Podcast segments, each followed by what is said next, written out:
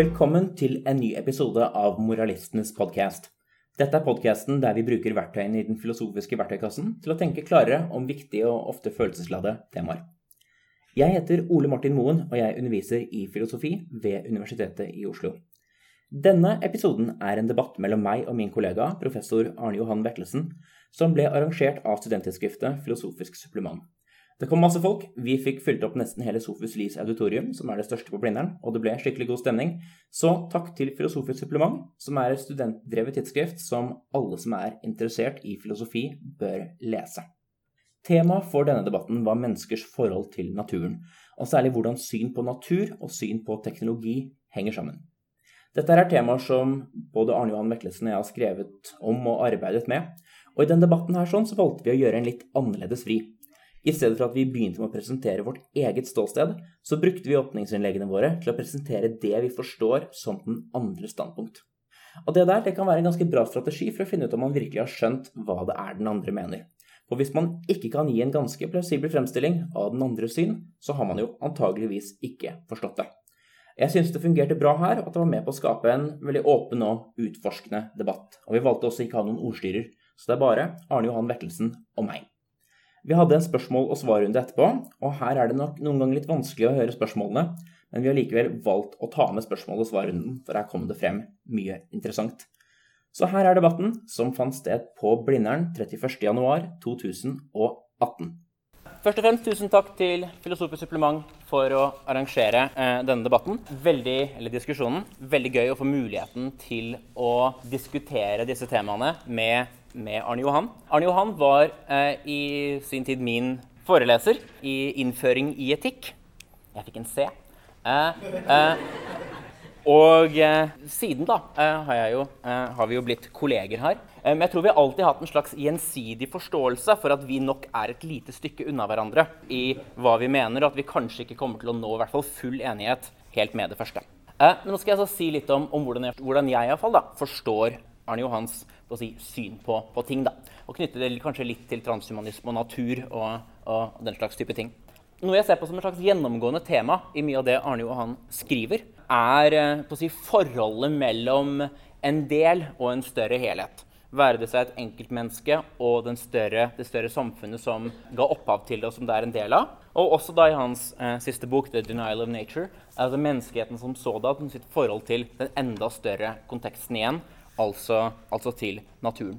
Eh, og han skisserer slags, eh, en slags historisk endring, der naturen har gått fra å være noe veldig mye større enn oss, noe veldig mystisk, noe kanskje verdiladd, som er over oss, og som vi på en måte må bøye oss for. Vi må bøye oss for naturkreftene. Man har på en måte gått fra det synet til å ha et syn der verden ligger under oss og foran våre føtter, og der den er noe vi kan gjøre med hva vi vil. Ikke nødvendigvis fordi verden er laget for oss, men fordi vi er det eneste slags normgivende som er der. Så i og med at det ikke er noe annet normgivende som ligger der ute, så er det egentlig bare oss, og vi kan egentlig gjøre, gjøre som vi vil med denne, denne større helheten. Uh, og dette knytter seg til teknologi. Det er klart Teknologi er jo manipulasjon av omgivelsene våre. Men det er ikke bare slik at vi manipulerer ved hjelp av teknologi. Vi på en måte frakobler oss også fra denne naturen. Tidligere har det vært dag og natt, varme og kulde, som vi på en måte må forholde oss til. Naturen gjør noe, og vi må forholde oss til det. Men med kunstig varme, kunstig belysning osv. Så, videre, så lever vi mer og mer i en, en kunstig menneskeskapt prosess. Altså, vi, lever, vi, ser oss selv uansett hvor det er vi snur oss. Vi er innendørs når vi snakker om filosofi. Vi forholder oss mer og mer bare til kulturprodukter. Og dette er på en måte noe som begrenser oss på mange måter. Altså, vi ser altså, I stjernehimmelen, f.eks. Jeg lurte alltid på da jeg var eh, yngre, hvorfor var stjerner så veldig viktig for mennesker tidligere? Men det er jo fordi de var mye sterkere tidligere. Pga. lys nå så ser vi jo nesten ikke stjernene. Men de er jo ekstremt på å si, viktige, storartede eh, mystiske uten vårt lys, som gjør at vi ikke ser dem så godt. Så vi altså på en måte går vekk fra naturen, vekk fra all den større konteksten rundt oss, og ser bare oss selv, våre egne skjermer, eh, det vi selv har laget. Og det er dårlig for oss, det isolerer oss. Det kan altså ha dårlige konsekvenser for oss som enkeltmennesker, for oss som samfunn. Dårlige konsekvenser globalt også, med en klimakrise f.eks., eh, som vi har problemer med å klare å takle. Og en slags sånn stadig økende konsumerisme, kanskje, da, hvor hvor mer og mer mening er noe vi tenker at vi kan få, at godene kan oppnås gjennom et konsum som også er noe som i enda større grad går utover det, det som er rundt oss. Og et av Arne Johans poeng, eller litt sånn hans moralske pekefinger, sånn sett, da, er at det er ikke det at vi ikke vet at vi ødelegger. Eh, det er ikke det at vi ikke vet konsekvensene av handlingene våre det er at vi i ikke tilstrekkelig grad bryr oss om det. Vi fortsetter å handle, vi fortsetter å reise på ferier rundt om i verden, selv om vi vet inderlig godt hva dette på systemnivå fører til. Eh, så kanskje, en, en, parallell som han trekker i boken som jeg synes er veldig spennende, er at menneskehetens forhold til naturen kan være litt sånn som barns forhold til sine foreldre. Kan, barn kan fort ta sine foreldre bare for gitt. De bare er der. De er ikke egentlig viktige, egentlig. De er viktige for, for dette barnet. da. Eh, men etter hvert som man da blir mer voksen, så ser man at foreldrene også er individer med sine mål, sine verdier, sin egen sårbarhet. Og man, man, på en måte verdsetter dem som noe som er viktig, ikke bare som et middel henimot en selv, men noe som er viktig på eget grunnlag. Og kanskje kan man så dra den parallellen da, opp til et slags sånn, eh, samfunnsnivå, kanskje mer eksistensielt nivå også. Der nettopp det å bli mer voksen da, i en sånn eksistensiell forstand handler om å få litt av det samme forholdet også til den større naturen som helhet, som er nettopp er det som har gitt opphav til oss. Da. I en forstand så er jo naturen på å si, våre, eh, vår forelder. Og det handler da nettopp om denne vokseprosessen da, handler nettopp da om å, å erkjenne eh, at ikke alt der ute er midler hen imot oss. At det også finnes store, verdifulle ting der ute som ikke har noe med oss å gjøre. Eller som i alle fall har sin verdi uavhengig av oss dyr, økosystemer, planter. Alt dette er en del av en helhet som har sin verdi, ikke bare i relasjon til oss, men i seg selv. I disse prosessene, i disse artene, i disse individene. Og det er litt spørsmålet hvordan er det vi kan klare å måte, erkjenne det. da. Og det er jo da et, et, stort problem. Hvordan vi på en måte kan komme oss dit, og ikke minst hvordan dette kan motivere oss da, til å handle på en, på en bedre måte. Men en av tingene som Arne Johan kommer mer tilbake til mot, på slutten av boken, da, er at kanskje en del av veien til å erkjenne naturen og se den storhet og verdi, ligger nettopp i å erfare den og være i den. Og det er jo da kompatibelt også med at vi trekkes vekk fra den ved bare å være i vårt si, kunstige miljø. Mens vi ved å være i den og samhandle i den og kjenne på den og interagere med den, nettopp ved si, å berøre den da, eller samhandle med den, kan komme se, til å se hva dette er for noe. Så jeg ser hans sånn prosjekt da, i denne sammenhengen til å på en måte connecte oss tilbake med helheten vi er, enten det måtte gjelde i samfunnet i tidligere debatter, eller naturen som helhet. Og at nettopp er i interaksjon med dette og i erkjennelsen av at vi er en del av denne større helheten, og at den har verdi uavhengig av bare vår lille enklave, at mye av det som det er viktig, og som Arne Johan tenker at det er viktig, ligger. Ja. Ja, det var jo veldig bra så langt. Uh og gjenkjennelig. Jeg har eh, som eh, grunnlag for å forberede meg fått tilsendt av Ole Martin eh, to tekster som han har skrevet, som da begge er artikler. Den ene 'The Ethics of Wild Animal Suffering', som er publisert i Etikk i praksis i 2016. Den andre 'Slutten på mennesket slik vi kjenner det', publisert i Samtiden nummer 4 2014. Jeg har eh, forberedt meg særlig med utgangspunkt i eh, det Ole Martin eh, tar opp i artikkelen 'The Ethics of Wild Animal Suffering'. Og jeg skal da sannsynligvis bruke de tilmålte ti minuttene jeg har nå, til å konsentrere meg om det. Og så får vi heller se etter hvert i hvilken grad vi da kommer inn på transhumanisme. Jeg er klar over at mange forventer at vi skal uh, snakke om det, men uh, jeg kommer ikke til å begynne med Ole Martin og transhumanisme. Uh, så da begynner vi med kan vi si, synet på dyr og dermed dyreetikk. Jeg har jobbet ganske lite med dyr og dyreetikk, men det er selvfølgelig en veldig viktig del kunne vi si, av miljøfilosofi, miljøetikk og av anvendt etikk, som alt sammen interesserer meg. Hvis vi da tar utgangspunkt i denne artikkelen her, så starter Ole Martin med å sitere Peter Singer.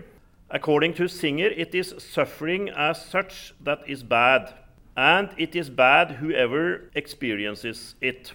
Så det er jo Singers form for uh, utilitarisme, kan vi si, med fokus på evne til eh, lidelse. Og dermed så knytter Ole Martin da fra starten av an til eh, Singers kritikk av antroposentrismen. Så Singer da som går ut for å, å utvide det moralske universet til eh, dyr som har eh, evne til smerte, til lidelse.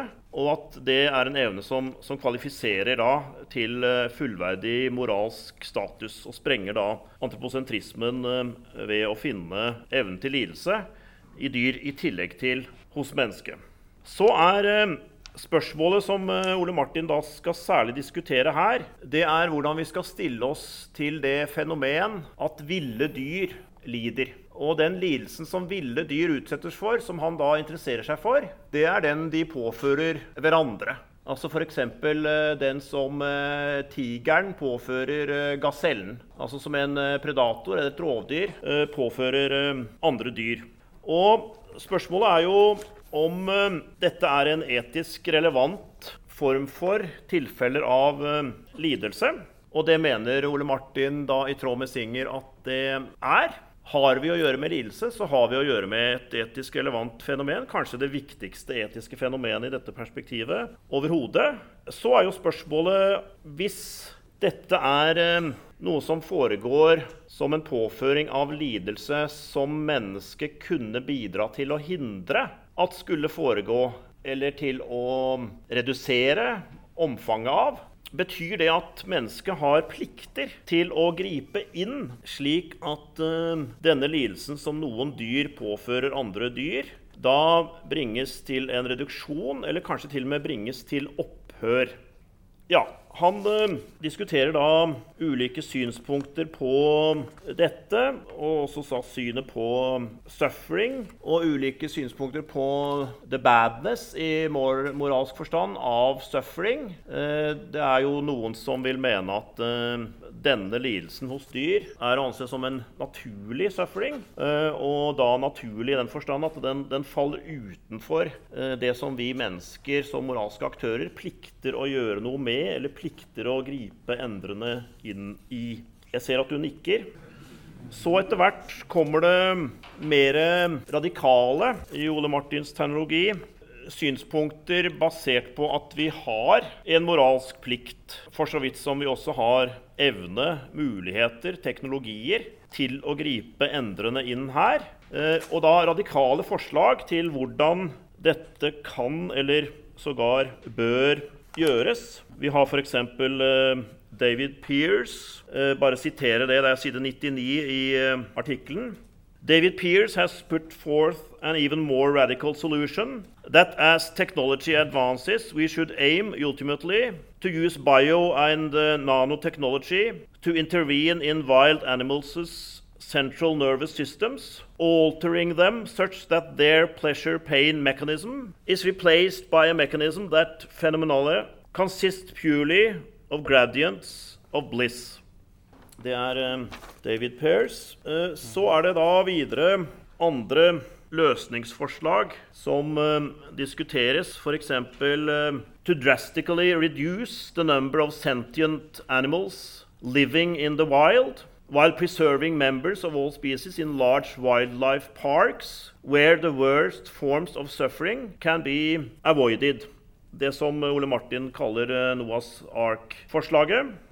Og videre da drastically reduce the size of wildlife populations.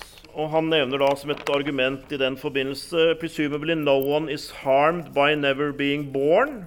Ja, så bruker han eksempelet med ulv. Sitat, If the facing out is sufficiently extreme, it becomes less of an environmental problem. If no wild wolves exist, their population will not be negatively affected by there being no wild rabbits.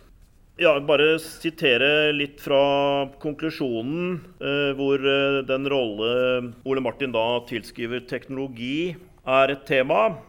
Our primary aim should be to get wild animal suffering on the research agenda and to make sure that it is taken into account in the development of future technologies. Future technologies are our only hope for reducing wild animal suffering on a large scale, whether through wildlife parks or through other means. We should also make sure that by introducing new technologies, we do not increase wild animal suffering.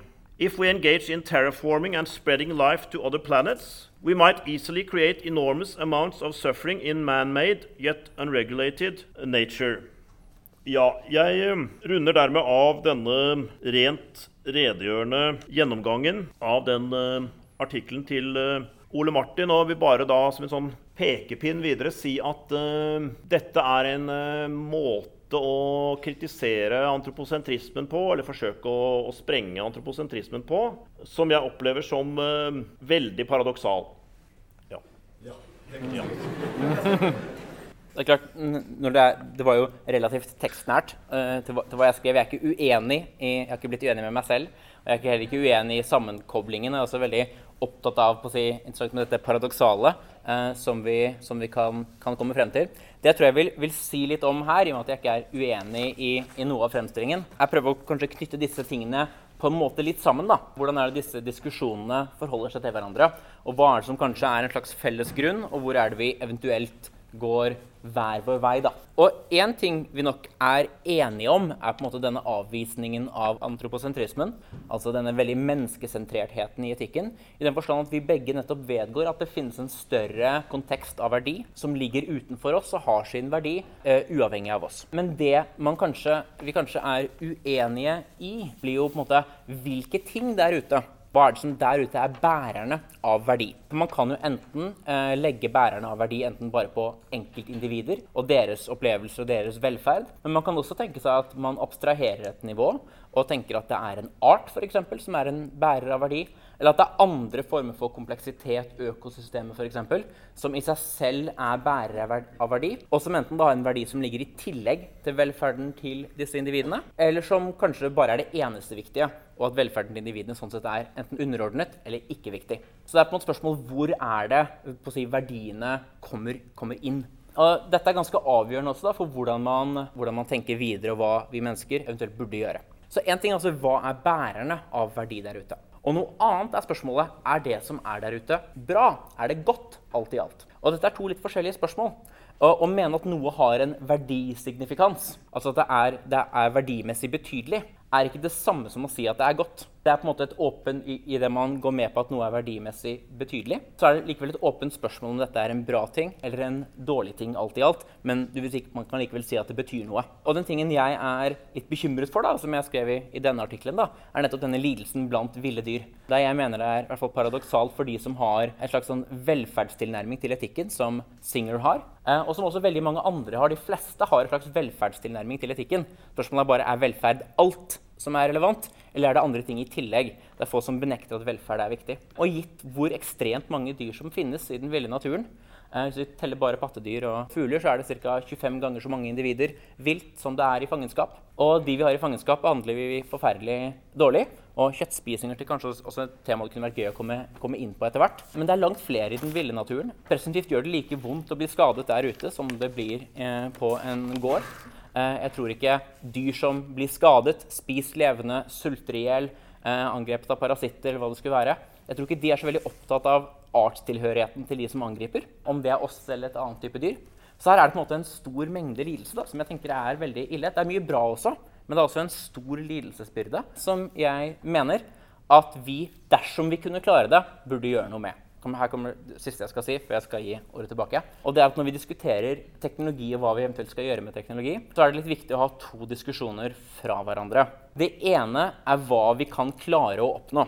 Eh, som også er begrensningen på vår side. Hva er det vi kan klare ved hjelp av de verktøyene vi har nå eller i fremtiden. Et litt annet spørsmål er hva hadde det vært bra om vi klarte å åpne? Eh, om man kan mene at et utfall at det ville vært bra om vi klarte å åpne noe, selv om man tenker at, at det får vi ikke til. Og det er ofte lett å tenke at eh, et argument om at dette får vi ikke til, også er et argument mot at dette er bra, hvis vi får det til. Og jeg synes Det er viktig å knytte, holde disse to diskusjonene på en måte litt fra hverandre. Og jeg mener at dersom vi i og med at jeg er jo en hedonist, jeg mener det er nytelse og, og, lidelse som er på en måte moralens opphav, så hadde det vært fantastisk om vi kunne klare å skape en verden der det ikke var eh, lidelse mer. Som det står i Johannes' åpenbaring. Eh, døden skal ikke være mer, ei heller skrik eller sorg eller smerte. De kristne har på en måte skjønt det eh, i en forstand. Det er bare at de har en litt sånn urealistisk vei til å realisere dette målet. Jeg tror antagelig, hvis vi kan få det til, da, at bioteknologi og nanoteknologi vil kunne få oss nærmere paradis enn hva de kristne forslagene kan gjøre. Så Det er på en måte mitt sånn, litt sånn utopiske syn, da, som er mer et slags etisk syn om at det ville vært bra, snarere enn en naiv tro på at dette vil være, være lett å oppnå. Men da prøvde jeg å skissere litt, både si min enighet i, i hva, du, hva, du, sa, og prøve å, å peke litt til hvor vi eventuelt skiller lag. da. Ja. ja.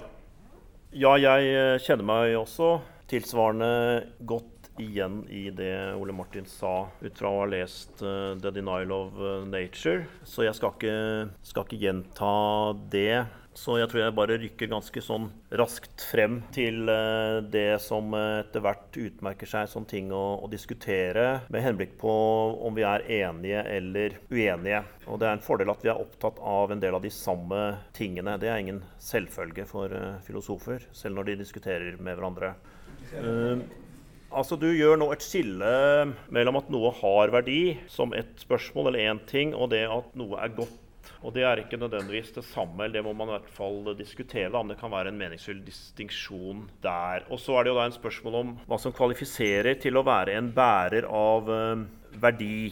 Uh, ja, skal si litt om det, og så komme tilbake til uh, ditt utgangspunkt i, i Singer.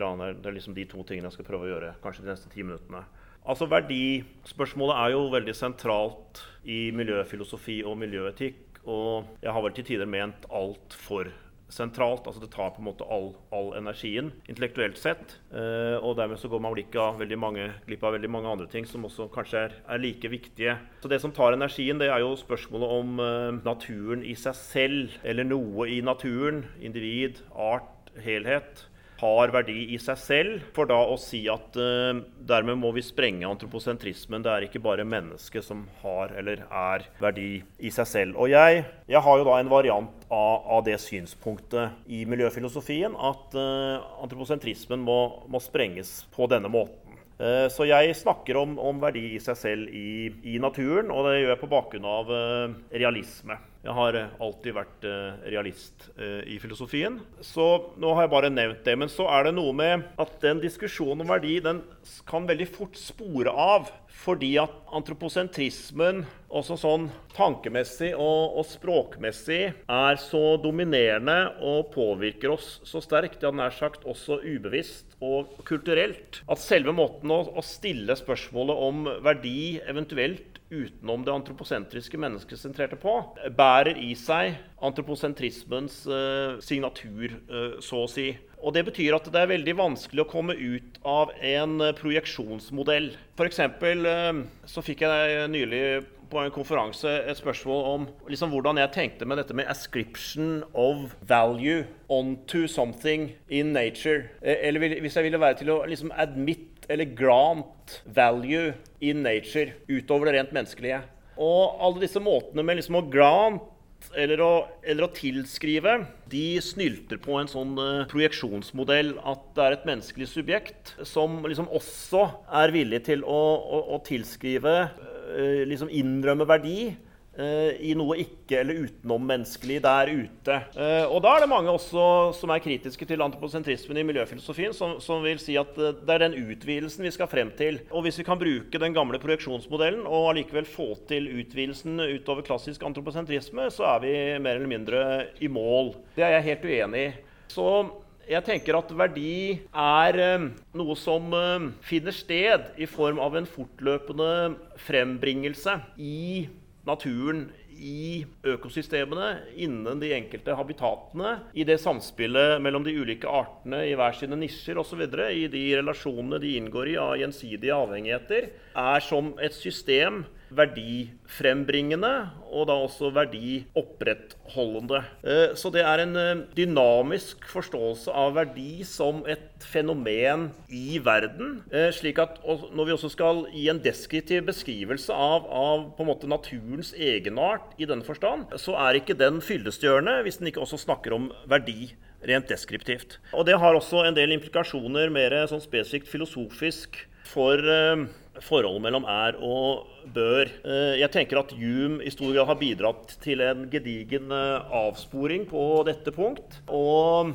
at eh, det er viktig å se at det å bare innrømme eventuelt da naturen som så mange midler for våre formål eller ressurser osv., Altså Den form for antroposentrisme den, den, gjør ikke bare da vil jeg si en, en normativ feil. Altså Den ser på naturen en, eh, sånn, under en sånn rent ressurs- eller, eller middelperspektiv, som vi, som vi moralsk sett ikke, ikke, bør gjøre. Men jeg mener at det også er en factual error. Fordi at det er en, det er en blindhet overfor det som er der ute. Eh, og i termer av realisme da, så betyr jo det at det er et bør som eh, påtreffes i væren. Og det moralske handler ikke om en slutning fra fakta til verdi eller fra er til bør. Eh, og det er Humes eh, store eh, kategorimistak. Han ville påpeke et kategorimistak, men det er påpekningen som er kategorimistaket. Så er det bare For å koble det litt tilbake igjen til Ole Martin altså jeg, jeg hadde lyst til å si, for å varsle sannsynligvis en stor uenighet mellom oss premisset til Singer som du tar utgangspunkt i, som jeg siterte åpningsmessig According to Singer, it is suffering as such that is bad, and it is bad whoever experiences it. Når man leser en sånn uh, setning, et sånt utsagn, ja, nær sagt, enten man er på X-Fill eller man er professor i faget, så virker det veldig tilforlatelig. Det virker eh, helt i tråd med common sense. Og man kan tenke at uh, hvis noen uh, måtte mene noe annet, så har de en enorm bevisbyrde. Prima facie så virker dette selvinnlysende og uproblematisk at lidelse som sådan er dårlig. Jeg skrev en bok som het 'Smerte', og startet med presumpsjonen, antagelsen, med appell til gjenkjennbarhet om lidelsens negativitet. Og De neste 180 sidene i boken så problematiserer jeg den eh, presumpsjonen for å si at uh, lidelse Hvis vi liksom forlater det helt abstrakte, uh, så tenker jeg at uh, lidelse knyttet til lidelsesevne, knyttes til smerteevne, er både positivt og negativt. Og det er også mange eksempler på at vi trekkes til lidelse eller at smerte uh, kan oppleves meningsfullt, uh, og i hvert fall ikke uh, nødvendigvis meningsløst. så her er det også det vi kaller en eksistensiell dimensjon, som det er mye å si om så å si fra begge perspektiver, positivt og negativt, i moralsk henseende og mellommenneskelig. Den mer grunnleggende uenigheten som jeg imidlertid varsler, da, det er at jeg tenker at i den grad Ole Martin og jeg måtte være uenige om dette Singer-premisset, så kan det være at vi er eh, like så uenige om lidelsens og smertens plass da i menneskelivet som eh, hos uh, dyrene. Det andre er at Ole Martin fører en argumentasjon der også det som kommer inn av eh, motargumenter, innvendinger, på mange måter er lojalt til Singers premiss. Slik at hele horisonten innenfor hvilken den eh, artikkelen eh, foregår, deler utilitaristiske premisser. Og jeg eh, tenker da at det er veldig mye som dermed mangler. Og det har bl.a. også å gjøre med denne veldig kraftige mekanismen, vil jeg si, som vi også kjenner i en litt annen variant hos Kant, altså deontologien, og som ikke er enestående dermed for utilitarisme eller konsekvensetikk, nemlig at det du måtte anse som det riktige å gjøre i ett enkelttilfelle, det er du logisk forpliktet til å mene er det riktige å gjøre også i alle tilsvarende like tilfeller. Altså trangen til en sånn type universalisering. Og det syns jeg er veldig problematisk. Ja, takk. Skal vi se, hvor, hvor skal jeg begynne? Om den artikkelen først, så Det jeg nok tar utgangspunkt i, er at vi bryr oss om velferden til individuelle dyr. Så for at Hvis vi gjør det, så burde vi bry oss om ville dyrs lidelse. Så det er klart, Hvis velferden til ville dyr ikke er viktig, eller velferden til dyr ikke er viktig, eventuelt at smerte, nytelse er ikke så sentralt for deres velferd, så er jeg enig da faller noe av, av argumentet og på en måte er utenfor konteksten jeg henvender meg til. Men litt mer sånn overordnet og metafysisk. da. Jeg føler at vi, vi på en måte begynner å nærme oss der, vi, der kanskje uenigheten står. da. Så vil jeg si først at denne, denne realismen du snakker om, eh, det er også noe jeg deler. Det Realisme ellers kan bety å på en måte være, si, være litt sånn hard-nosed og skjønne hvordan ting henger sammen.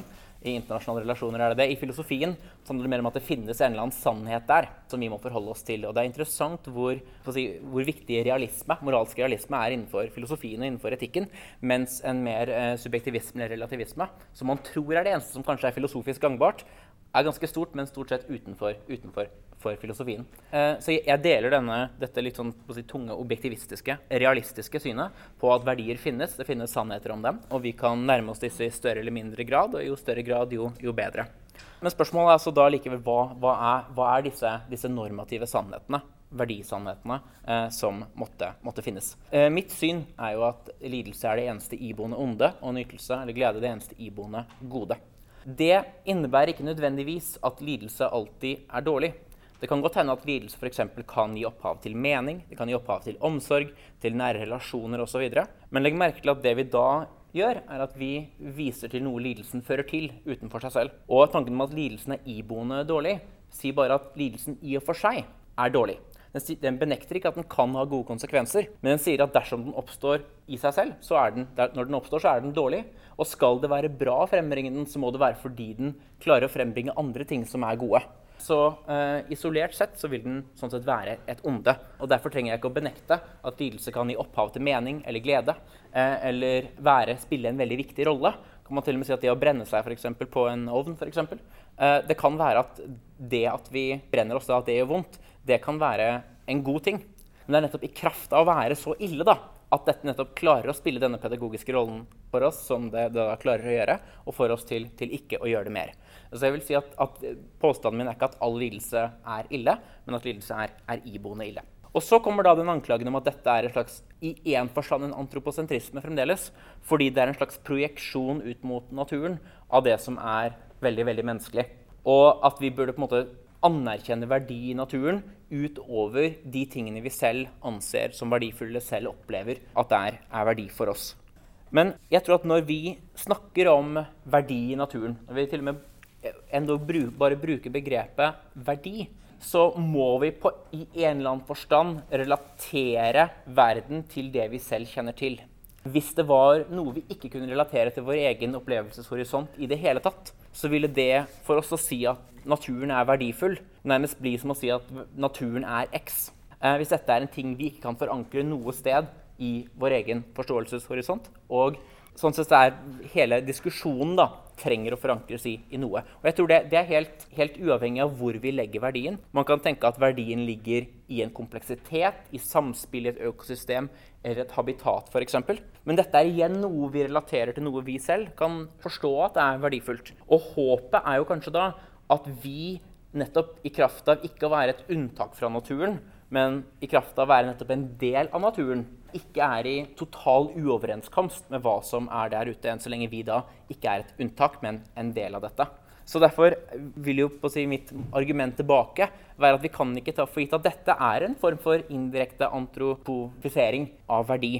Det kan godt være at nytelser er gode og smerter er gode der ute. og Det er dette som gir opphav til verdien i disse systemene. Og det som kanskje blir spørsmålet mitt tilbake, da, er at hvis vi forkaster dette, dette og sier at, at, verdien ligger i kompleksiteten eller disse habitatene, for eksempel, da, betyr det at altså Det er jo slik i naturen at vi kan gripe inn i den, vi kan gjøre ting, vi kan uh, bygge hus. Men uansett hva vi gjør, så gjør vi jo et eller annet med naturen og skaper en eller annen struktur i naturen. Og hvis det er slik at det bare er eksistensen av komplekse strukturer i naturen som er, av, som er det som er verdifullt, da, så ser det ut som vi kan røre rundt i den gryta omtrent akkurat som vi vil. Fordi det vil uansett være noe der, og det vil hefte verdi ved det.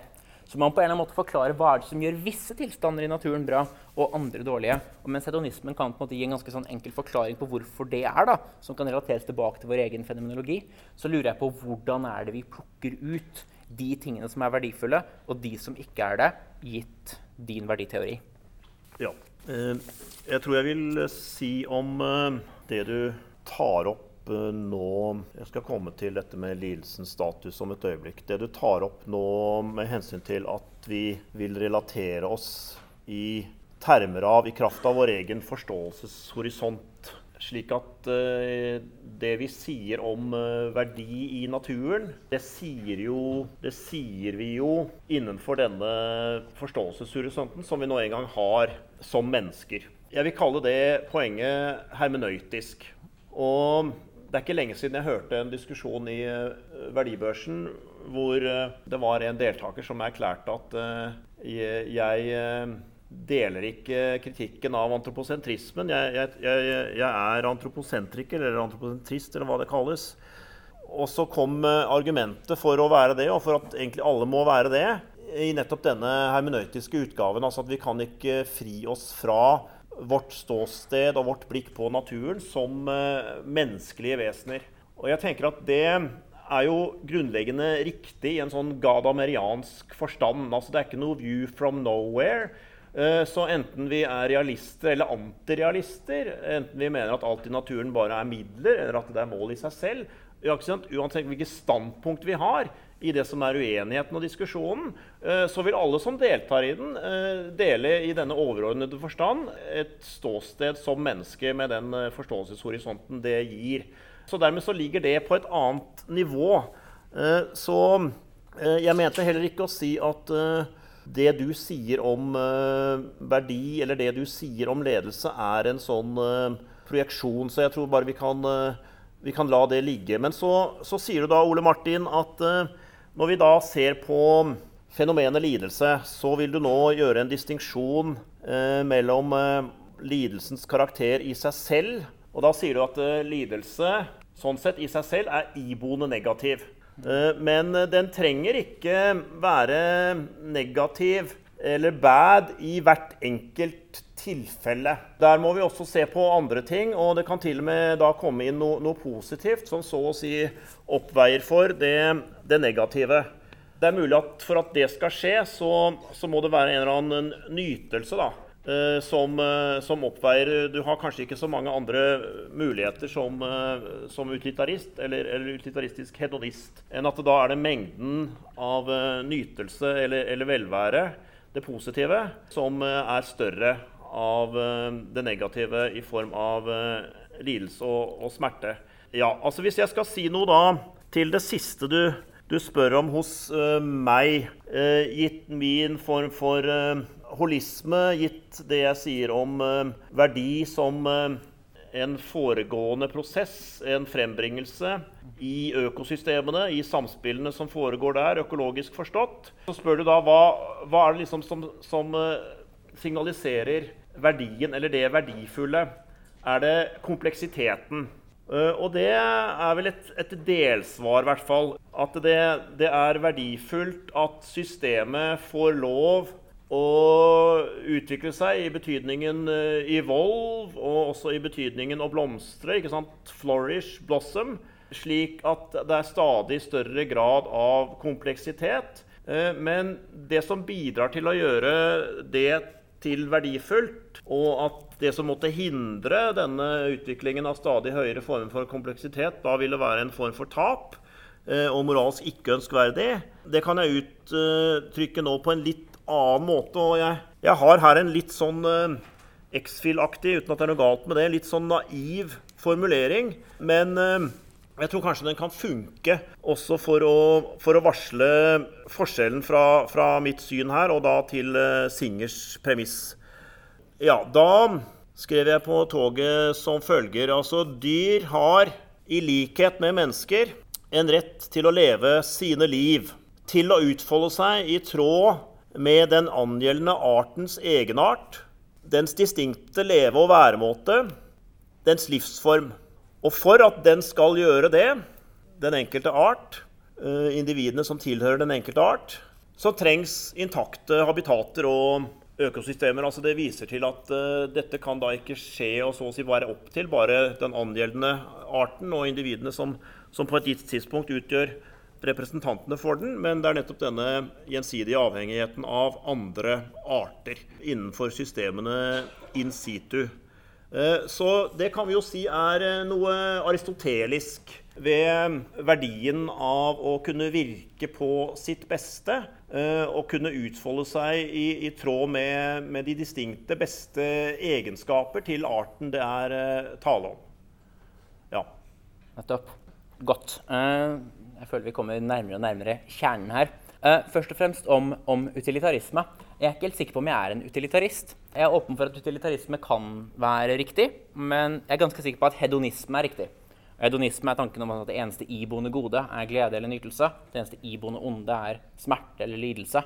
Mens utilitarisme er jo en teori om hvordan vi skal fremme dette hvem-sinnet vi skal fremme, og at vi skal fremme det helt upartisk. at vi skal maksimere osv. Så, jeg er litt usikker på disse andre skrittene man trenger for å bli en utilitarist. Men det kan være at utilitarisme er riktig. Mitt syn er sikkert nærmere utilitarisme enn, enn hva ditt syn er. Du snakket om lidelsen, at den ikke er ille i hvert enkelt tilfelle, gitt mitt syn. I én forstand så er den ille i hvert enkelt tilfelle. For enhver ting som er iboende ille, er ille uansett hvor du putter det hen. Fordi det er selve den som er ille. Så du kan pakke den inn og rulle den rundt og sette den der du har lyst, men den er likevel ille fordi den har illheten i kraft av sin iboende natur, ikke i kraft av sine relasjoner. Så enhver lidelse er iboende ille, uansett hvor den er. Men den kan spille en rolle i en større sammenheng. Det er det at den er der, likevel kan være til det bedre. Som, som er sånn sett en liksom, smal distinksjon, men likevel verditeoretisk for min del. I alle fall. Så kommer vi til dette med artene. For meg er det veldig underlig om en art eh, om det skal være en enhet som spiller en slags sånn verdimetafysisk rolle. For hva er egentlig en art? Eh, en art vil egentlig si at det har pågått en evolusjonsprosess der individer har gått fra hverandre, kanskje de har levd ulike steder, frem til de ikke lenger kan få avkom med hverandre. Så det har skjedd en slags sånn branching out, der reproduksjon ikke lenger er mulig mellom disse. Og det er klart, da kan vi forme begrepet art. Men spørsmålet er hvorfor, hvorfor er det en bærer av verdi? Er det slik at, at det at de er separert fra hverandre, er sånn sett viktig? Og hvis arter og deres distinkthet er veldig bra, burde vi ikke bare søke å preservere arter, men burde vi også prøve å lage så mange nye arter vi bare kan? For hvis dette er liksom min utilitaristiske si, dreining, hvis noe er bra, så får vi prøve å maksimere det, da.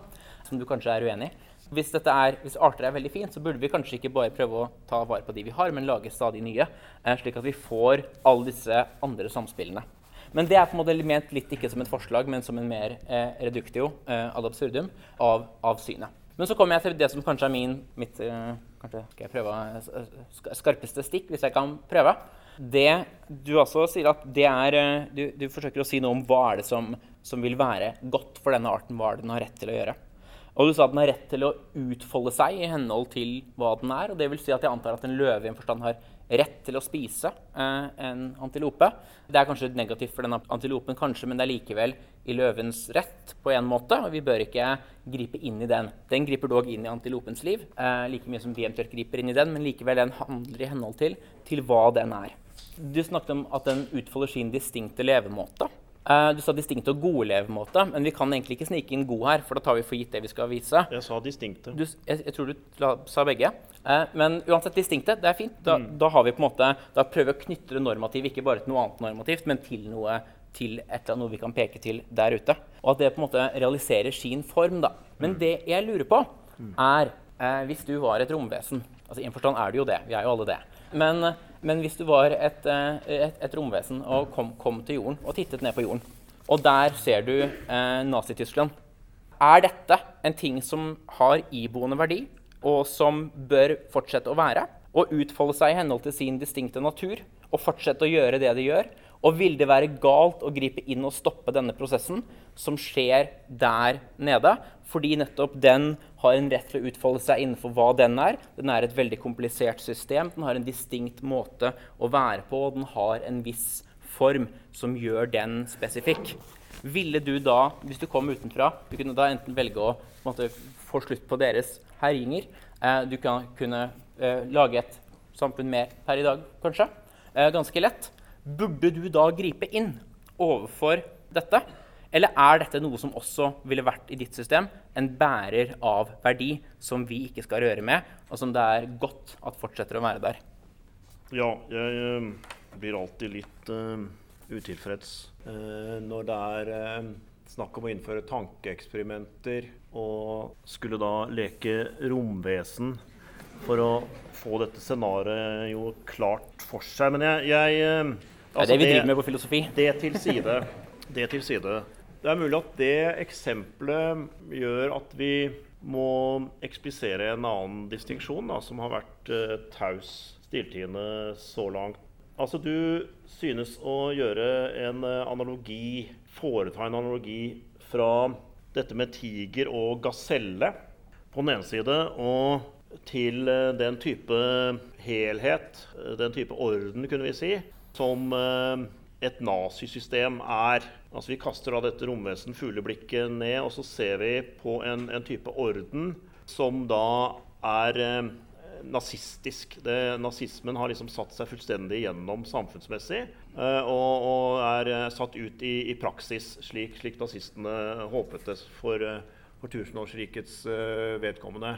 Eh, jeg ser ingen gyldig, relevant sammenligning mellom det som er frembrakt der, vel vitende noe om hva som ville være de realistiske forutsetningene for å få det frembrakt, på den ene side, og det som foregår mellom en tiger og gaselle eh, i naturen på den annen side. Så hvis, hvis, du mener at det skulle være en analogi, eh, så må du forklare meg hvorfor den er gyldig. For det ser jeg ikke. Det, det, det skal jeg gjøre. Eh, den, jeg lurer på om det kan løses ved at det er en, en form for misforståelse. Eh, dette er ikke en, jeg vil si Nazi-Tyskland vil ikke være en parallell til en individuell eh, tiger og en gaselle. Den vil være til en tigerflokk, eventuelt til tigerarten som sådan. Kanskje først og fremst en tigerflokk, i og med at det er flere individer og flere andre. Og Analogiene her er jo altså at du har et komplekst system, du har et komplekst samspill. Du har noe unikt og distinkt. Ja, sant, dette går utover andre parter. Men likevel så er det noe godt ved at et slikt distinkt system får fortsette å være. Og her ser det da ut til å være flere paralleller. Og jeg vil vel egentlig utfordre det sånn sett tilbake da, til å forklare hva er det som gjør da, at disse økosystemene, habitatene, artene som måtte finnes der ute, nettopp er verdifulle på en måte som samtidig ikke favner f.eks. Nazi-Tyskland. Eh, klart Dette er jo en parallell, og da kan man alltid si at det ikke er det samme. Litt av Poenget med paralleller er at det ikke er det samme. for Ellers hadde det ikke vært paralleller. Da hadde det bare vært å si det samme. Håpet er jo, så vil alltid være ting som ikke er til felles. Spørsmålet er bare er det noe essensielt til felles her. Og det jeg prøver å si, da, som er mitt perspektiv på det, er at det er en enorm brutalitet i naturen som går utover en lang rekke individer, ofte unge individer, som blir spist ikke lenge etter at de blir født. Og dette er, det er forferdelig. Og eh, det kan hende vi ikke klarer å gjøre noe med det, men det er likevel en grufull ting. Og jeg tenker det er en del, Hvis man først skal være antiantroposentrisk, da, så kan man ikke trekke et veldig skarpt skille mellom hva vi mennesker gjør i menneskelige samfunn, og brutaliteten vi har, f.eks. i Nazi-Tyskland eller andre regimer, hvis man vil, og den brutaliteten og hensynsløsheten som finnes i naturen. Er vi naturalister og antiantroposentrister, så bør vi ikke tenke at det er noen dype prinsipielle skiller mellom hvordan disse typene brutalitet og lidelse skal vurderes. Ja, det er jeg helt uenig i.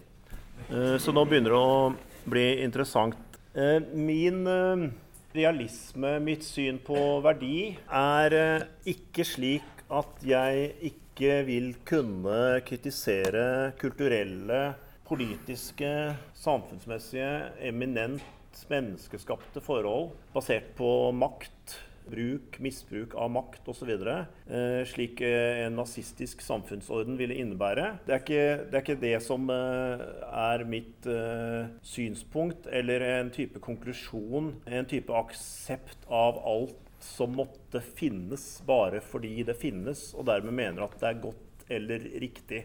Så den distinksjonen jeg tenker på, det er jo mellom en sånn type skapt orden, eh, med den lidelsen eh, skapt av mennesker, også da overfor lidelser, som eh, nazismen og dens triumf vil innebære, på den ene side, og, og det som eh, utspiller seg mellom en tiger og gaselle i naturen på den annen side. Så sånn sett så, så, kan vi nå si Vi vil nok sikkert begge liksom uh, finslipe det og sånn etter hvert her, hvis vi skal arbeide med distinksjonen. Men det er da distinksjonen uh, kultur-natur. Uh, ok, Og så er det mer filosofisk altså om vårt syn på antroposentrismen. nå brukte du uttrykket anti-antroposentrisk. Jeg pleier å si veldig tidlig når jeg har forelesningene i miljøfilosofi, at man må skille mellom å være anti-antroposentrisk og ikke ikke-antroposentrisk. Jeg skriver også i 'Denial of Nature' at, at, jeg går inn for en posisjon som er ikke-antroposentrisk. Uh, så det er ikke dermed sagt at hvis du sier anti-antroposentrisk, så er man liksom anti-menneske. Det, det, er ikke det Ole Martin mener, ikke sant? Men, men det er en viktig distinksjon. Og det jeg har lyst til å si med henblikk på uh, hva jeg forstår som viktig for deg, da, Ole Martin, det er jo Du skriver da uh, også med henvisning til Singer her, side 97 i den engelske artikkelen It seems that as long as we reject anthropocentrism, forklart da som the view that species membership as such is ethically relevant, uh, osv. Og, og da vil jeg si at I henhold til den definisjonen så avviser ikke jeg antroposentrisme. Min ikke-antroposentrisme, min kritikk av antroposentrisme, f.eks. slik vi kjenner den hos Kant, den har å gjøre med helt andre ting enn dette. Jeg kan godt si øyeblikkelig hva de er. Men jeg vil ha en ikke-antroposentrisme som nettopp bevarer en plass for det distinkte ved mennesket. Ved arten menneske. Og det har spesielt å gjøre med ansvar. At mennesket som art har en større grad av ansvar eh, enn andre arter. Eh, så slik sett så er det moralsk noe enestående ved mennesket. Men man behøver ikke være innenfor antroposentrisme for å hevde det. Det kan også hevdes i en ikke-antroposentrisk posisjon. Eh, Bl.a. fordi at det mennesket da har ansvar for, det er også ikke-menneskelige vesener. Godt. Jeg kan svare ganske kort på det eh, og si at jeg, er enig i at det er en viss analogi der. Du kan tenke at vi mennesker har et moralsk ansvar på en måte som, som dyr ikke har. Eh, det er det vanskelig å være uenig i. Og da kan man tenke at en, noe som i tillegg er ille med Nazi-Tyskland f.eks., er på å si den klanderverdigheten som, som de eventuelt måtte ha i de menneskene som gjør dette. Men det er likevel et spørsmål. da. Er det, uavhengig av klanderverdighet som måtte være på baksiden av dette, som gjør at noen ikke, mennesker virkelig ikke burde gjøre dette, så synes det likevel som om det er et onde der som forklarer klanderverdigheten, som ligger i lidelsen og byrdene som dette systemet påfører de andre vesenene. Og det er klart, Hvis vi bare var opptatt av klanderverdigheten og på en måte skulle rangere en etter gode og dårlige, og prøve å stoppe det moralsk dårlige, og ikke prøve å stoppe at noen har det fælt, men stoppe at noen har det moralsk, gjør noe moralsk galt, så kunne man hatt et argument for å gripe inn mot Nazi-Tyskland, men ikke gripe inn overfor løven eller tigeren og gasellen. Men jeg vil jo da eh, spørre om om du mener det at det bare er på en måte den moralske klanderverdigheten vi skal prøve å minimere, og spørre om det da hadde vært en maskin som gjorde det samme som Nazi-Tyskland gjorde, bare uten klanderverdigheten. Eller la oss si en art som noen eh, menneskeaktige figurer som bare ikke hadde klanderverdighet. Ville ikke det likevel Det ville kanskje ikke vært moralsk ille, ikke moralsk klanderverdig at de gjorde det, men ville ikke likevel vært et enormt onde? Og er det ikke på en måte noe nesten, nesten underlig, veldig aktørsentrert, ved å lokalisere onde bare i si, valgene til de som gjør disse fæle tingene, og ikke i byrden og lidelsene og døden som dette påfører de rundt. Så det virker for meg som om, om dette argumentet skal fungere, så holder det ikke bare å si at vi også må se på innsiden av aktørene, men nesten utelukkende se på innsiden og prøve å ikke minimere onder og eh, lidelse, men bare minimere umoralskhet. Jeg lurer på om, om er det det du mener? Ja, jeg tror vi har eh, en del av uenigheten eh, på dette punktet, så vi har lykkes i å innringe den. Det betyr også at jeg er uenig for en gangs skyld med, med Martha Nussbaum, som jo har en annen type posisjon eh, enn Ole Martin overall, og som på mange måter nok står nærmere meg, i hvert fall i den grad hun fremdeles trekker på Aristoteles. Du har et interessant sitat fra Nussbaum på, på side 97. Martha Nussbaum skriver da The death of a gazelle after painful torture is just as bad for the gazelle when the torture is inflicted by a tiger as when it is done by a human being. Og det går vel på akkurat det du spør om? Gjør det det? Ja. ja. Uh, jeg er uenig i at det gir mening å si at uh, tigeren påfører tortur på gasellen. Slik uh, et menneske kan påføre både dyr og menneske tortur. Så også på den måten så, så faller en slik eh, analogi for uh, meg. Uh, men hvis jeg skulle svare nå grunnleggende, så, så, er det ti minutter igjen. Så vi har identifisert noe av uenigheten. Og så får vi heller se om, om, andre plukker opp andre ting. og sånt. Men jeg kan godt komme tilbake, men jeg tror ikke jeg skal ta liksom, en ny økt med, med, det nå. Nei, det kan ikke være lurt. Da åpner vi gulvet på søpla. Så ja, vi kan begynne her. Ja, spørsmålet mitt går til Vettelsen. Og det gjelder et spørsmål du ikke svarte på fra Martin. Til om vi har, er pliktig til å maksimere graden av diversitet i diversitet på jorden. da. Hvis så er tilfellet, så kan vi jo spørre om vi mennesker ikke bare skal fortsette å ture og gå akkurat slik som vi gjør nå, fordi graden av handlingen vår flytter arter rundt omkring på kloden i en grad som over lengre sikt antakeligvis vil øke diversiteten i forhold til det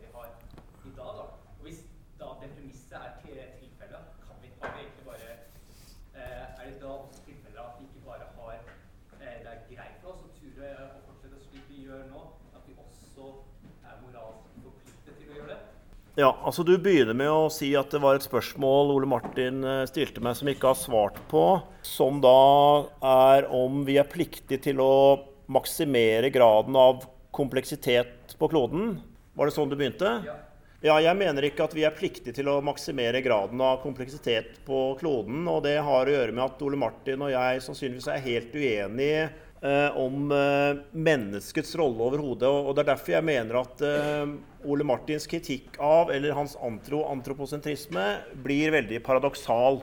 Som jeg sa i mitt aller første innlegg. Jeg har ikke forklart nøyaktig hva jeg mener blir paradokset for Ole Martin der, men, men, det har med det å gjøre. Og hvis jeg skal si noe om det nå, så den rollen som Ole Martin, også i moralsk henseende, altså for å, for å avverge det han ser på da som onder, selvfølgelig da i termer av lidelse og smerte, den rolla han gir teknologien også hvis vi kommer til det, transhumanisme eh, med henblikk på muligheter for å forbedre mennesket, også da forbedre friske mennesker. Enhancement. Det er for meg en eh, menneskesentrert tankemåte som gir mennesket enda mye større makt, enda mye større fullmakter til å gå radikalt endrende inn eh, i andre typer liv, i andre arter, enn eh, konvensjonell antroposentrisme noen gang har tenkt seg. Eh, så det er en enorm forstørring av, eh, av menneskets rolle og hva, hva mennesket kan, skal kunne gjøre,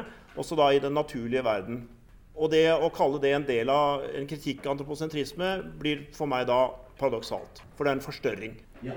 Jeg skjønte ikke helt eh, problemet til romvesenet. For du spør jo, han om eh, han kan sette seg inn å være romvesen. Han er jo et menneske, og vi vet ikke hvem romvesenet er. Ikke? Det er ikke mulig å forestille seg hvordan man skal da tenke om det samfunnet fra utenfra. Kanskje. Eh, spørsmålet er bare hadde det vært bra om dette ble stoppet. Eh, er på en måte det, det, det ja, og spørsmålet er bare er da verdidommer synspunkt eh, relative? Eller er det faktisk visse ting som er gode, og visse ting som er, er dårlige? Jeg tror ikke man skal legge så veldig mye inn i ja, hvordan er det å være et romvesen, selv om vi er det selv, og si hvem man skal være der ute. Spørsmålet er bare å stille oss overfor det jeg ser på som to situasjoner som har, har en del til felles. Og vi må kunne nettopp Tankeeksperimenter er noe av det vi bruker i filosofien, ikke for at de skal være ikke fordi det er sannsynlig at dette kommer til å skje, så vi må forberede oss, men fordi de nettopp, eh, litt sånn som eksperimenter i naturvitenskap, setter prinsippene våre på prøve. Så vi på en måte ser eh, Det, fine med en normativ etisk teori er jo at den skal på en måte forklare hva som gjør visse handlinger riktige. Og det betyr jo at du bør kunne kaste på den litt hva enn du har lyst til, og den bør gi riktig konklusjon. Eh, og Da kan man også kaste på den veldig sære ting, og den bør fortsatt gi riktig konklusjon. For hvis du har en normativ etisk teori eh, som altså ikke anvendes et sted, eh, så kan ikke denne i hvert fall ikke være en fullstendig riktig teori. Da må det være flere teorier eventuelt også som utgjør et nettverk for å dekke det hele. Men ja, det var litt mer sånn meta, meta, meta. Ja. ja. Uh, en bruker litt begrepet egenart. Å utfolde sin egenart. Og det merker jeg er veldig vanskelig begrep for meg. Uh, når en ser på vanligvis på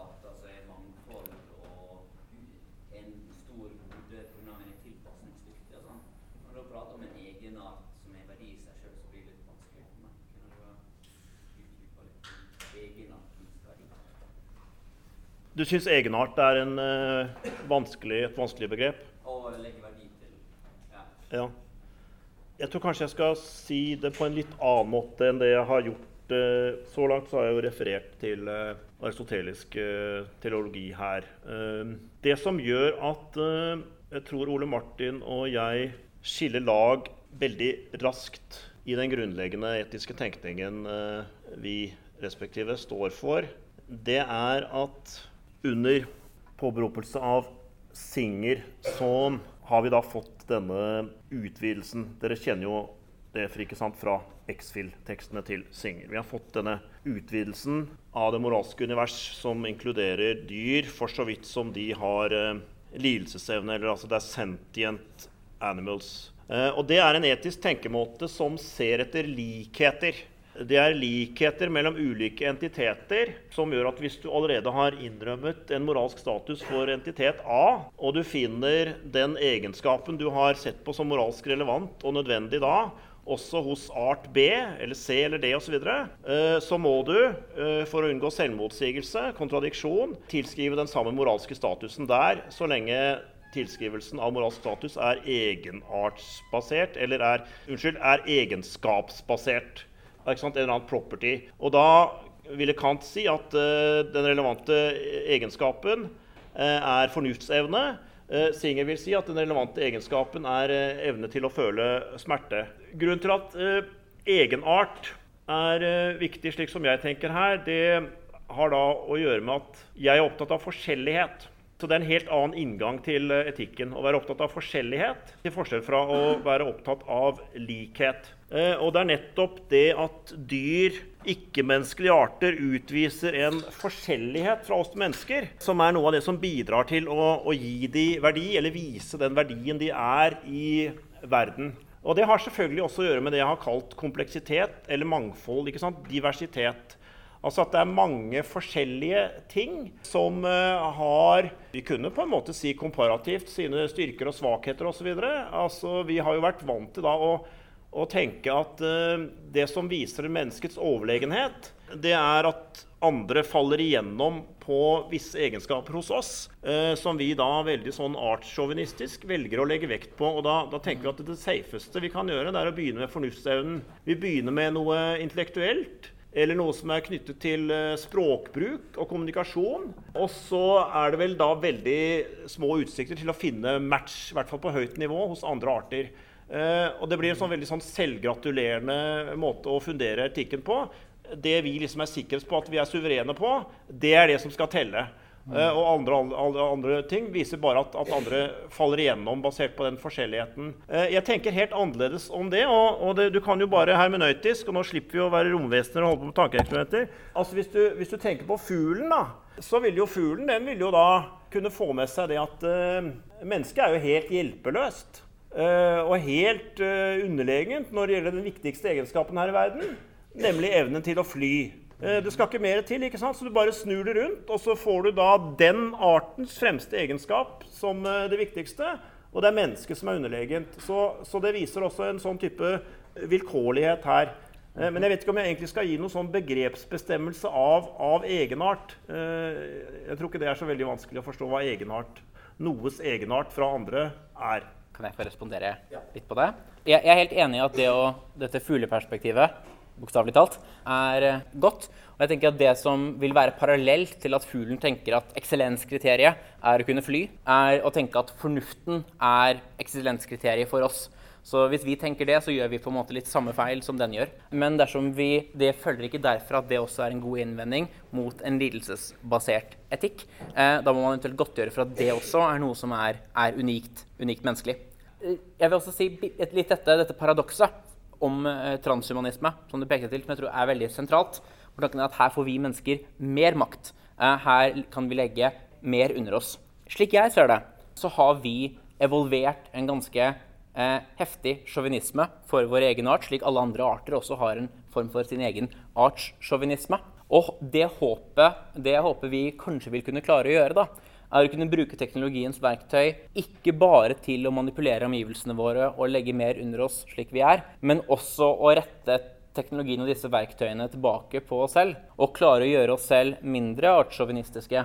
Og klare å gjøre oss selv ikke bare slik at vi ikke skader andre i så stor grad som vi gjør, men kanskje til og med få oss dit hen at vi kan klare å være godt og komme til hjelp og ha empati med vesener som ligger langt, langt utenfor oss. Så som jeg ser det, så handler ikke det transhumanistiske prosjektet om å bare maksimere det menneskelige. Snarere tvert imot. Det handler om å prøve å mod modulere det vi mennesker er, til noe som er moralsk bedre. Og der, jeg, jeg, tenker jo at du, du, burde også være en transhumanist. Fordi eh, du, eh, du, skriver jo i, Du er ofte ganske skuffet over hva vi mennesker får til, og hva vi gjør. Du skriver også All too human is the stubbornness of not wanting to change one's ways in a case where to change would amount to an admission uh, that what we have done and felt justified in doing is wrong. Så vi har våre biaser og slikt som får oss til å bare være det vi er. Eh, vår gruppetenkning. Du ønsker en radical change, sier du. Og jeg tenker jo at Jo mørkere syn man har på menneskenaturen slik den er nå, jo mer transhumanistisk burde man være. Og hvis man har et syn på at mennesker er fantastiske, vi er supre, så er det jo ingenting å forbedre. Men hvis man tenker at vi er ganske fæle og brutale og kortsiktige, så er det desto mer grunn til å bruke disse verktøyene til å prøve å gjøre oss selv til, til bedre vesener. Ja. ja. Eh, Jeg lurer på, Ole Martin. eh, Dere snakker jo om klimakrisen på et eller annet nivå. Og et av eh, klimakrisens store problemer er jo eh, overbefolkning. Og jeg lurer på hvordan kan man forene transhumanisme og hedonisme? Hvis jeg forstår det rett, så handler det veldig mye om å lindre lidelse og kanskje lindre død og smerte osv. Um, er ikke død en veldig naturlig måte å på en måte forhindre en befolknings, eh, et befolkningsproblem på, eller et overbefolkningsproblem på? Og eh, vil ikke da transhumanisme eller hedonisme på en måte være litt uh, motbyggende? Jo, kanskje. Eh, Det er i hvert fall en, en mulig konflikt hvis man tenker at det sentrale ved transhumanisme er mest mulig liv. Eh, og man skal ha i hvert fall ikke bare mest mulig for de som lever, men også flest mulig liv. Eh, så vil det kunne være problematisk å stå i en konflikt med interessene til andre arter på jorden, inkludert andre, andre mennesker. Men det er klart, universet er ganske stort. Det er plass til relativt mange i det kjente rom. Eh, men det er åpenbart en grense i hvert fall med dagens teknologi, hvor mange mennesker jorden kan klare å bære og fø. Og det er ingenting med mitt syn som sier at en veldig veldig, veldig stor befolkning vil være til et gode. Så jeg er veldig åpen for at dersom vi klarte å forlenge livene våre radikalt, eksempel, så ville vi kunne ha gode grunner til å søke å begrense mengden vi reproduserer oss. Veldig åpen for at det kan være, være en konflikt. Og jeg er helt enig også at befolkningens størrelse per i dag er en av de store driverne for at vi har de klimaproblemene som, som vi har. Så jeg tror, vet ikke om vi egentlig er uenige. Jeg vedkjenner meg at her er det. Eh, hvis man tenker at jo mer liv, jo bedre, jo lengre liv, jo bedre, jo flere liv, jo bedre, så møter vi, møter vi oss selv og andre arter idet vi blir for mange for hva denne jorden kan klare å bære. Ja. Eh, Spørsmål til Ole Martin. Um, skjønner sånn at lidelse eller minimering av lidelse er imperativ. Og eh, jeg tenker vel at blant villdyr så er de aller fleste liv preget av lidelse. Man dør av sult, tørst, sykdom, bli spist osv. Uh, og hvert minutt eh, eller hver dag som går, så fødes det tusenvis av dyr som er dømt til et liv i lidelse. Så hvilken begrunnelse har vi for å ikke avlive alle villdyr, unntatt de vi kan eh, være overbevist om at har et annet liv? Um, jeg er åpen for at, eh, for at det kan være noe vi vil kunne være rettferdiggjort i å gjøre. Eh, jeg tror også det, det jo, Da vil vi også drepe dyr som har veldig bra liv. Vi vil også stoppe andre dyr som vil kunne ha gode liv, fra å eksistere. Åpent spørsmål om det er et, er et gode eller et onde. Jeg skulle jo igjen ønske at vi kunne begrense altså Hvis vi får det til, da. Det er kjempevanskelig i så fall. Men til ville dyr, til de dyrene vi kan klare å ta hånd om. Akkurat som vi også bør søke å begrense menneskelig reproduksjon til de barna vi klarer å, å ta hånd om. Eh, og at vi på en måte bør utvide den moralske sirkelen sånn sett. Mens det å gå ut og, og drepe i skogen jeg, jeg tror ikke det vil være et, være et stort gode. Men er det mange dyr som har så dårlig liv at det ville være bedre for dem å dø? Eh, svaret er tror jeg ja. Eh, og jeg tror det også er kanskje flere som tilhører den kategorien enn enn hva kanskje mange tenker. Eh, men det som hadde vært mye bedre enn å drepe dyrene, ville jo være om vi kunne klare å gi dem fantastiske liv. Eh, det tror jeg hadde vært fantastisk, og det er jo det jeg håper vi ultimat sett kan klare å få til. da. Men i og med at det jo er smått komplisert, så kan det være at på veien dit så vil det å drepe dyr som lider veldig, kunne være en moralsk rettferdiggjort handling. Ja. Skal jeg kommentere Vil du ha flere spørsmål, Dag? Hvis du har noe å kommentere, så kan du. Jeg har noe å kommentere. Eh, da jeg leste den engelske artikkelen til Ole Martin, så, så noterte jeg eh, det jeg ser på som en mulig syllogisme, da, eller ja Altså det er jo en sånn litt sånn syllogismesvak, syllogismehenfallen eh, tilnærming til etikk. Og jeg skal ikke si så mye på sånn metanivå om det. altså dette med at Hvis, hvis, hvis ett tilfelle er sånn og sånn, riktig eller galt, så, så er vi pliktige til å, å gjøre det vi kan for at, for at alle tilfeller hvis noe, er, hvis noe er godt, så må vi lage flere tilfeller hvor det samme er, er godt. Altså den maksimeringen, den, eh, den er meg helt, eh, helt fremmed. Så, så jeg vil eh, forbeholde en plass for, for dømmekraft, så å si, på hvert nivå og mellom ulike skalaer. Men det jeg tenkte på, da, sånn syllogismeaktig, som den siste spørsmålsstilleren jo var inne på eh, ikke sant? Altså, Ole Martin, hvis, hvis lidelse er et onde i seg selv, og man da tenker videre at eh, ja, derfor så må jo hvert tilfelle av lidelse som kan hindres, eller som kan elimineres, det bør vel da hindres eller elimineres. Og, og følger det da Jeg tror spørsmålsstilleren var, var rimelig nær inne på det. ikke sant? Følger det da at det beste ville være eh, å eliminere alle som lider, eh, eventuelt å eliminere selve evnen til å lide fra alle som eh, eksisterer. Hvis vi har teknologier eller metoder som kunne få i stand det, ville det være det beste. Hva tenker du om det? Det er sikkert ikke noe fremmed. Du har sikkert hørt dette tusen ganger. Hva tenker du om det? Ja, jeg har tenkt på det. Jeg skrev faktisk doktoravhandling om litt som dette. Om eh, lidelsen og dens ondhet og hva vi kan gjøre med den. liksom. Så spørsmålet her blir jo eh, Jeg er åpen for at det kan være godt eh, å gjøre det. Eh, spørsmålet blir jo er det andre goder som avhenger av denne lidelsen. Eh, så hvis vi samtidig ble kvitt all glede og alle de tingene som gir oss glede, og som gir oss eventuelt mening, som jeg tror må også forklares med glede ultimat sett. da. Hvis, det, hvis alle de, de tingene også ble borte, så ville jeg tenke at her er, da er det et åpent spørsmål om dette alt i alt ville være bra eller dårlig at denne forsvant. Men hvis vi kunne klare å bli kvitt lidelsen, men likevel kunne beholde alle de andre godene, da tror jeg det ville være en veldig veldig god ting. Men da er spørsmålet får vi da til det. da? Og det tror jeg kanskje at empirisk, kanskje endog metafysisk, er eh, ekstremt vanskelig, kanskje umulig. Men i og for seg ja, så vil det å fjerne en lidelse være, være et gode. Jeg vet ikke om du er fornøyd med det svaret? Nei, jeg syns at eh, det kan vitne om en eh, beundringsverdig evne til å holde en logisk konsistens fra et gitt premiss, uansett hvor oppsiktsvekkende og kontrafaktiske konklusjonene som følger måtte være. Men jeg tenker at det er, eh, det er da en etisk tenkning på avveie.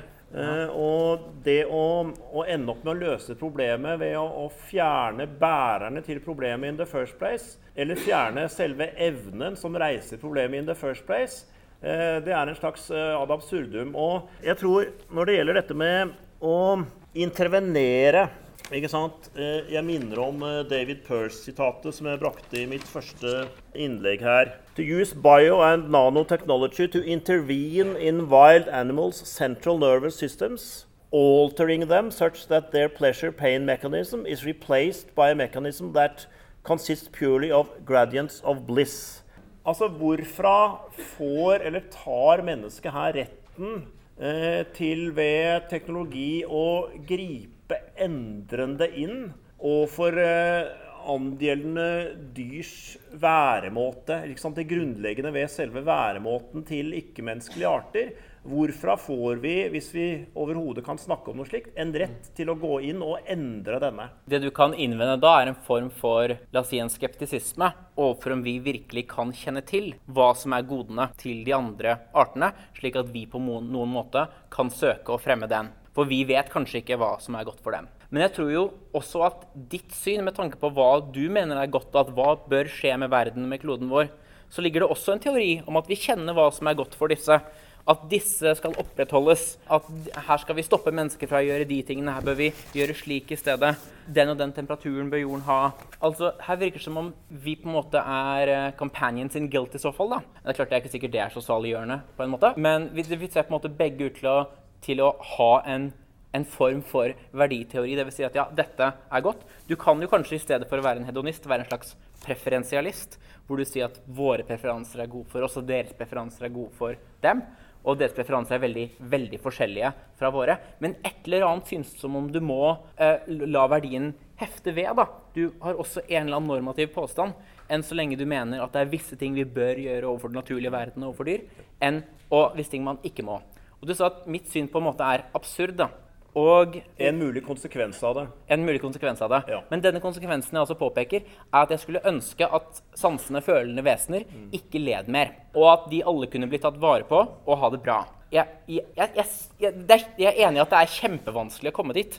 Men jeg synes ikke målet og det å ha det som en målsetning egentlig er så veldig absurd. Ja, jeg tenker at det er å kaste barnet ut med badevannet. Altså å, å forandre selve hva noe er. Eh, med tanke på at det skal bli bedre for det å være det det da er, eller det det er bra det blir, eller hvordan det nå blir. Det syns jeg er eh, veldig vanskelig å, å følge.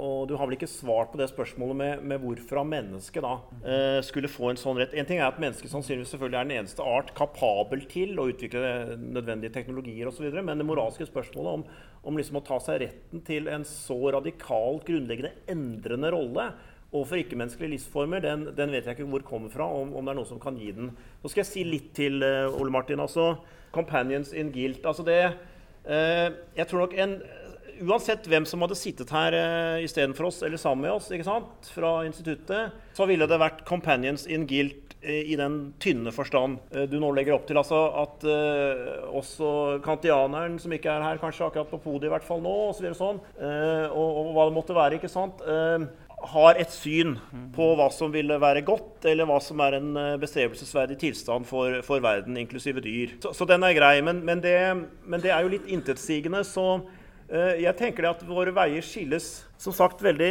veldig tidlig. Da. Og jeg, jeg, burde kanskje da sagt det før. ikke sant? At uh, du sier Singer uh, har en velferdstilnærming til etikk. Uh, og da, da, blir det et naturlig, da, med eller uten gåseøyne, spørsmål i det perspektivet. Hvordan kan vi hjelpe ville dyr som blir angrepet av andre ville dyr?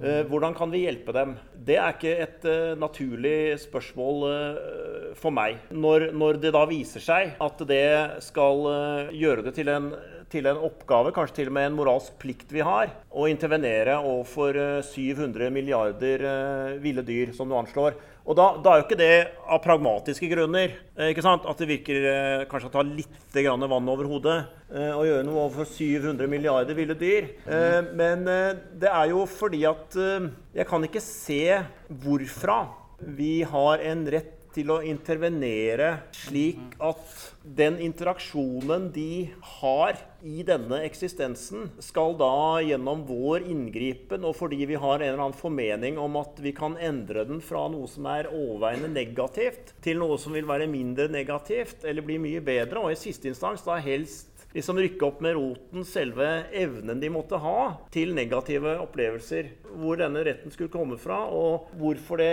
egentlig skulle være bedre. og da, Vi bare uh, går sikkert over tiden, da, men, men som jeg sa, så, så, kan det være at vår uenighet også er veldig dyp innenfor det rent menneskelige.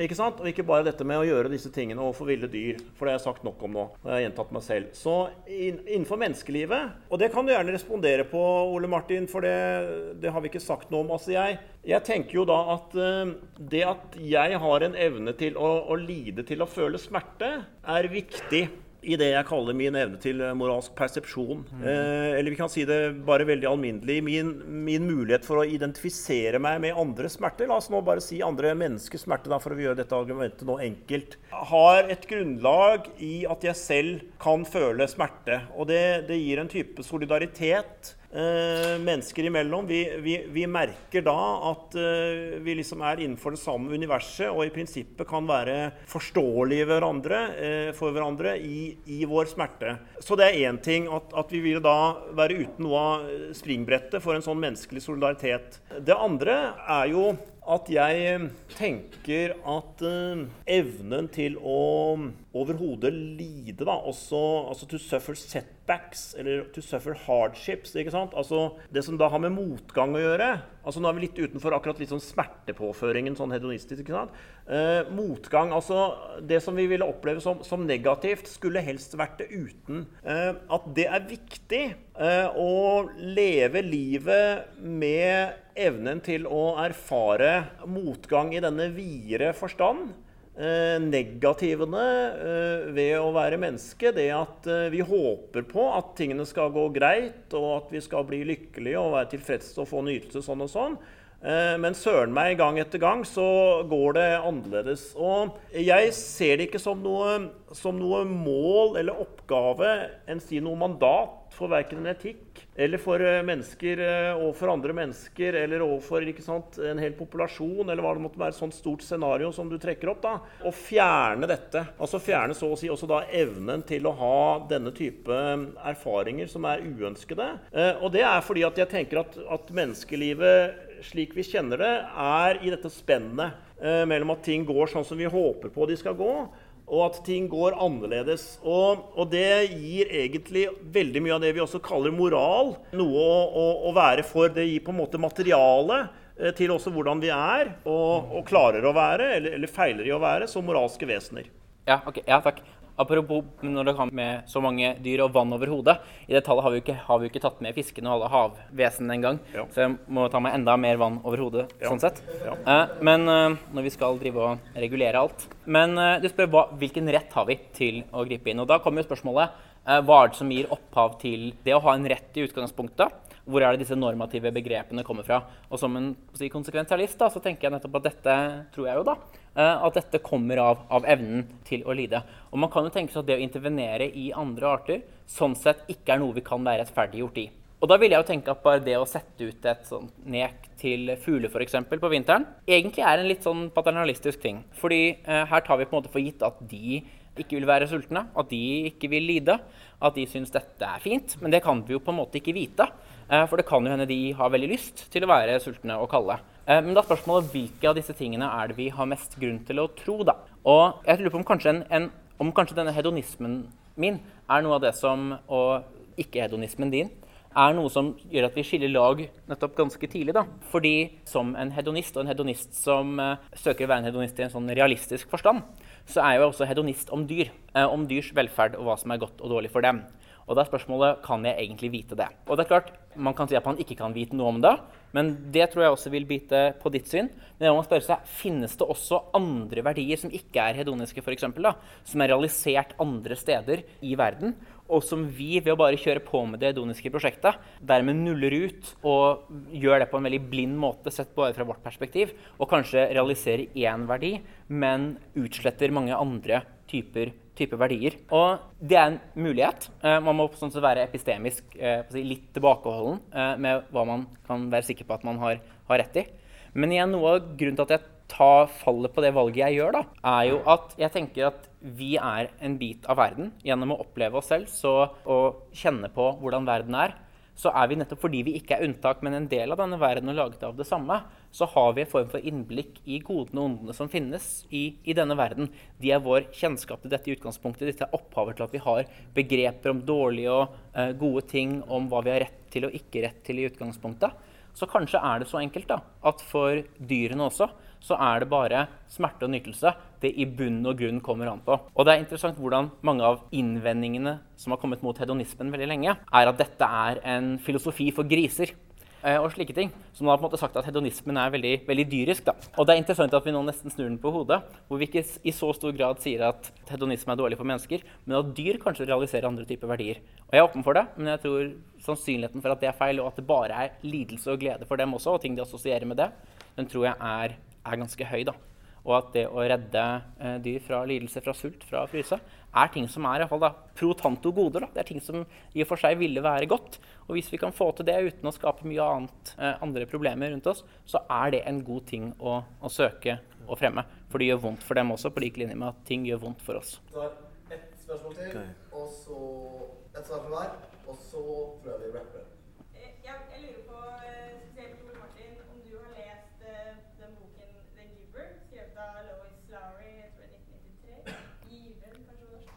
Nei, dessverre. Eh, kjenner du til den? Eh?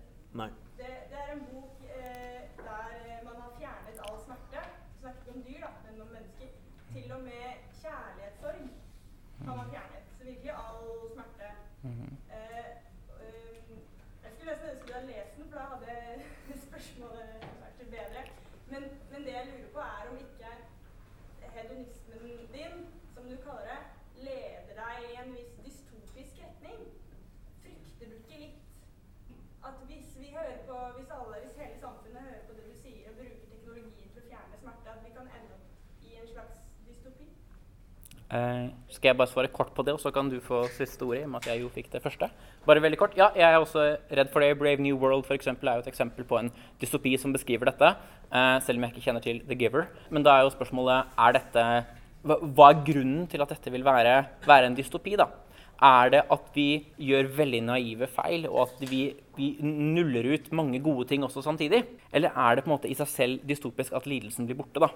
Uh, og hedonister vil være veldig åpne for at det finnes fryktelig fryktelig mange dårlige måter å forsøke å lage hedonistiske dystopier på. Spørsmålet finnes det noen gode måter å gjøre det på.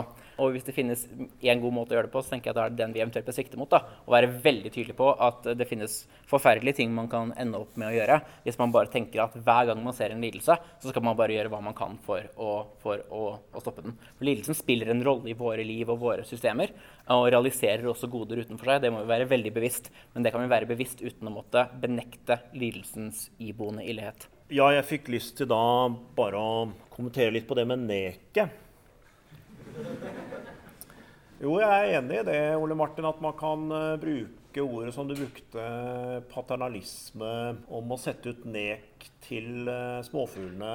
Eh, men i lys av dette som du drøfter, ikke sant, seriøst, fra David Pears, bl.a., så er jo det ikke noen intervensjon som endrer noe ved småfuglenes væremåte i, i verden. Eh, så, så, det er noe med det at hvis du har sånne type eksempler, da vil du ikke godta det, og så, videre, sånn, så, så står det ikke noe på spill der som er sammenlignbart med, med hva som står på spill, og, og, hva du gjør ved denne form for, for intervensjon i selve nervesystemet til, til artene i, i, naturen. Så det blir da noe helt annet. Ja, da tror jeg på vegne av redaksjonen så ønsker jeg å overbringe to uh, gaver. Én til hver. Og så ønsker jeg å takke dere for Flott. bidraget. Takk.